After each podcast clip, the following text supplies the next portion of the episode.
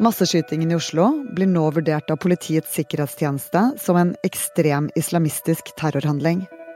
Og det bare elleve dager etter at de vurderte slike angrep som lite sannsynlige i Norge. Mandag ble markeringen på Rådhusplassen avlyst. PST var redde for et nytt angrep. Hvorfor visste ikke PST noe før masseskytingen pridenatten? Og hva vet de nå? I dag er det torsdag 30. juni. Jeg heter Synne Søhol, og du hører på Forklart.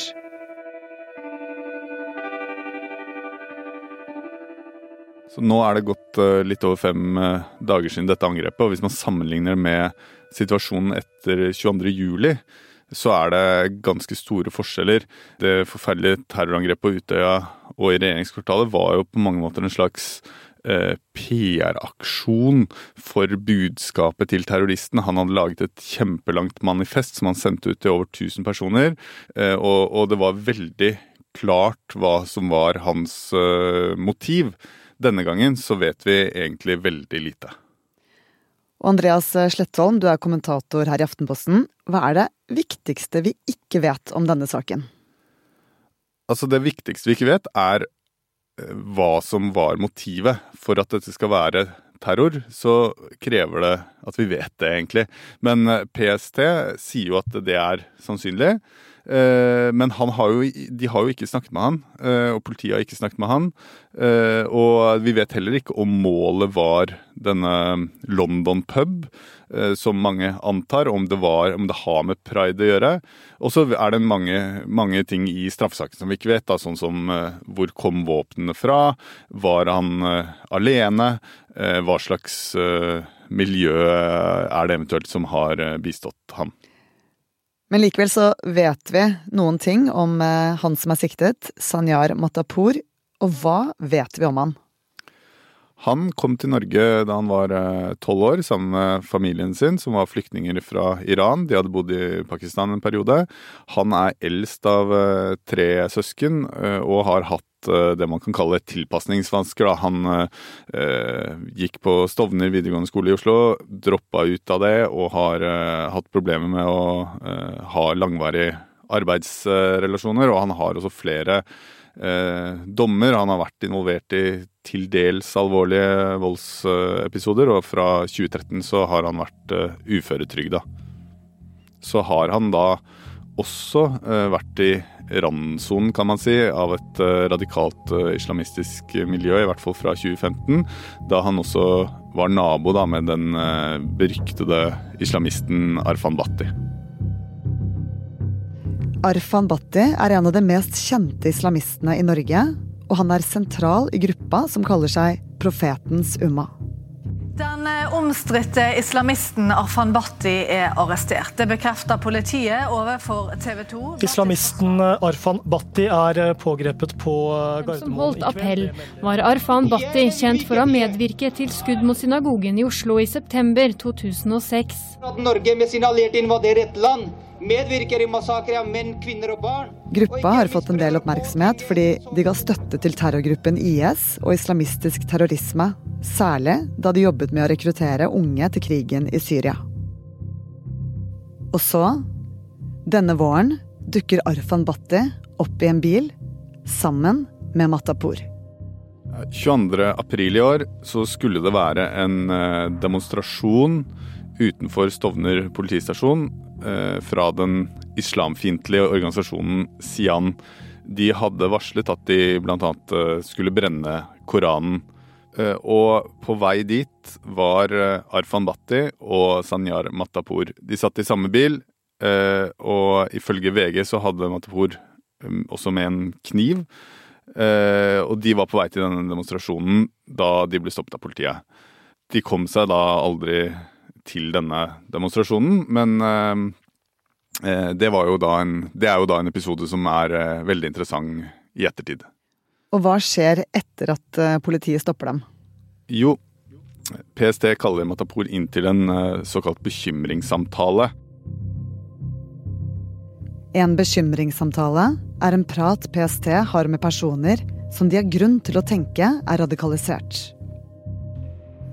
Og PST-sjef Roger Berg sier at det skal litt til før de tar en sånn samtale. Det er jo ikke sånn at PST banker på døra til enhver. PST må ha en god grunn for, å, for det første å banke på døra til noen og si at eh, god dag, vi kommer fra PST og vil gjerne snakke med deg. Å gå inn på enkeltperson, en enkeltperson, om det så skulle være Arfan Bhatti eller om det skulle være gjerningsmannen her. For vår del har vi ikke lyst til å snakke om enkeltpersoner i dette. Men vi, det, ja, det var flere samtaler med vedkommende. Han har vært eh, på PSTs radar i, i syv år. Eh, og da det er et verktøy som PST har, hvor de kan forsøke å kartlegge da, hva slags intensjon og hvor farlig ulike personer som de er bekymret for, er. Ja, Hva skjer egentlig på en sånn bekymringssamtale? Nei, det er jo da sånn at PST sier hei, vi vil gjerne snakke med deg. Setter fram en kaffekorp, sikkert, og, og forsøker da å Eh, rett og slett bare bruke dialog til å kartlegge personens eh, holdninger. Det er jo ikke alltid så lett, og ikke minst når det gjelder islamister, så er det jo gjerne sånn da at, eh, at stemningen ikke alltid er så veldig god, eller at de egentlig ikke er særlig interessert i å snakke med politiet. Ekstreme islamister de er jo ikke noe glad i PST. De er jo ikke noe glad i norsk politi. Så det å gå inn i en samtale med en ekstrem islamist, det blir jo ikke en åpenhjertig eh, og, og, veldig vennlig samtale som vi har her nå. Jeg ser jo noen ganger at det er relativt eh, lite mm, Det er ikke ordrikt. Etter den bekymringssamtalen så konkluderer PST altså med at det ikke er noe voldspotensial, eller de ser ikke noen fare for at Matapour skal eh, komme til å bruke vold.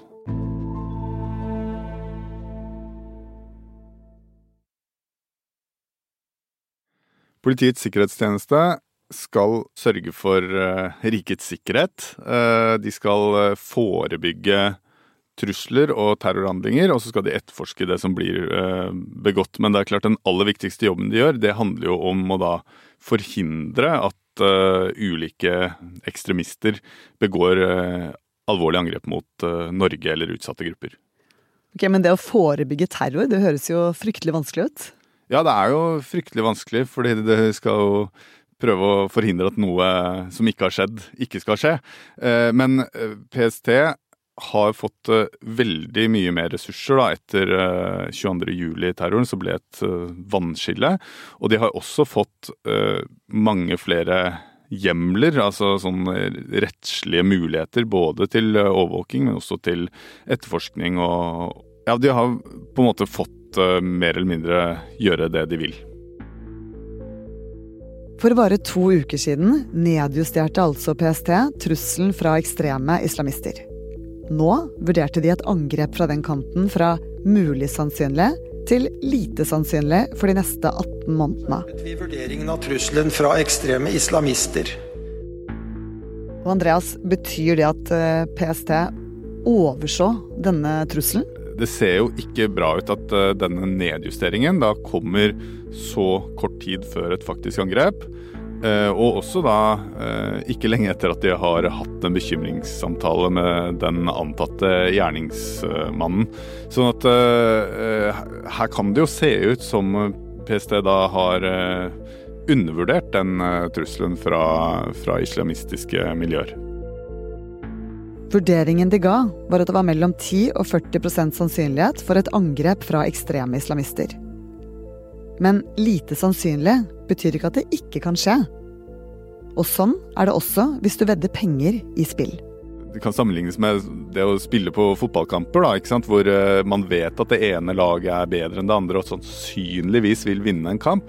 Men uh, den skal jo spilles, og det, alt kan skje. Og uh, en blanding av tilfeldigheter og, og, dagsform og sånn kan gjøre at underdogen vinner en fotballkamp. ikke sant? Og, det, og så, sånn er det litt også med trusselvurderingen, at PST har kvalifiserte antakelser av hvilke miljøer som er mest truende mot Norge.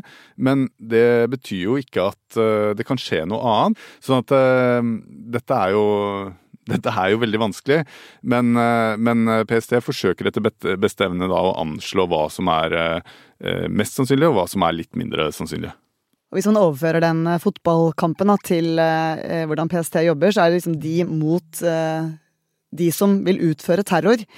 Hvordan har PST kjempet mot terror de siste årene? Nei, eh, PST har jo et uh, kontinuerlig arbeid i å både forebygge konkrete angrep og holde kontroll med miljøet og vite hva som rører seg i Nå har det vært jihadistiske miljøer som lenge har på en måte tronet eh, øverst på bekymringslisten. De siste par årene så har jo den eh, høyreekstreme trusselen utgjort en mye større bekymring for PST, og det ser du jo. Vi hadde jo et eh, terrorangrep i 2019.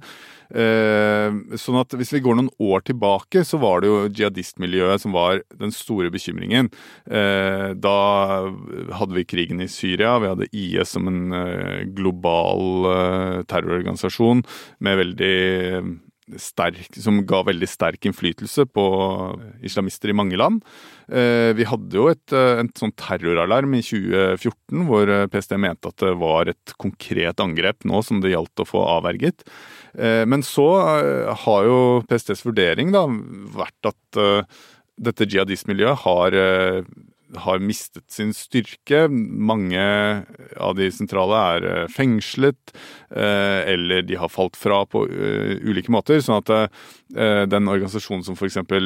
het Profetens Umma er ikke i dag noen operativ eh, bevegelse. Sånn sett kan man si at det norske jihadistmiljøet er eh, svekket. Når vi hadde fremmedkrigervirksomheten og vi hadde veldig mye fokus på nettopp det med kontraterror for noen år tilbake, da hadde vi bedre oversikt enn det vi har i dag.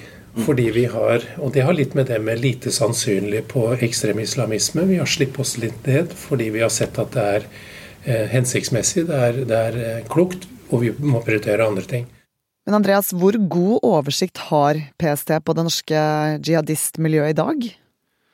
Selv om eh, PST har mye ressurser, så har de jo ikke ubegrensa med ressurser, så de må jo prioritere. Og det ligger jo i sakens natur da at når de mener at trusselen er mindre potent, så har de jo også dårligere oversikt. De har brukt mindre ressurser på å følge det.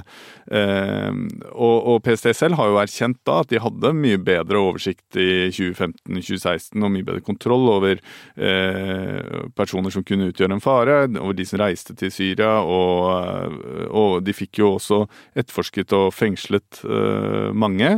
Nå ser de det som mindre sannsynlig med islamistisk terror, og, og slipper seg litt ned, da, som, eh, som de sier eh, selv. Så er det jo et poeng her at en del av de som har blitt fengslet, og som ble fengslet i den perioden hvor eh, dette var på sitt mest eh, potente, de er ferdig med å sone, og de er kanskje ikke helt eh, avradikaliserte etter fengselsoppholdet, for å si det forsiktig. Så blir spørsmålet i dag om PST har undervurdert faren fra islamistiske miljøer, og derfor fulgt for dårlig med på hva som rører seg der.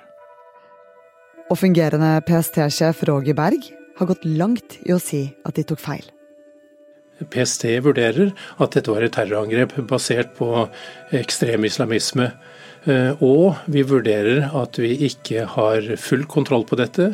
Eh, vi får kontinuerlig informasjon. Eh, nå driver politiet og etterforsker selve den straffesaken. Og så driver PST da og jobber og Spreng for å forsøke å få kontroll med det miljøet rundt, og, og forhåpentligvis kunne ta ned trusselnivået. Og mandag så frarådet altså politiet markeringen på Rådhusplassen. Da hadde de trusselnivå fem. Nå har de skrudd det ned til nivå fire. Hva er det PST har manglet kontroll over? Nei, Detaljene vet jo ikke vi, så det er ikke helt uh, godt å si. Men det handler jo om det miljøet som Matapour uh, tilhører. Og hvor, hvor, konkret eller detaljert denne frykten for nye angrep er, da, som nå PST jobber på spreng for å avklare, uh, det vet vi ikke. Men det tyder jo på at uh, Matapour på en eller annen måte har uh, inngått i et miljø som uh, det er grunn til å frykte nye angrep på. At, at denne bekymringen er, er, på en måte basert på noe mer enn at han bare har hengt litt med batti og grodd skjegg.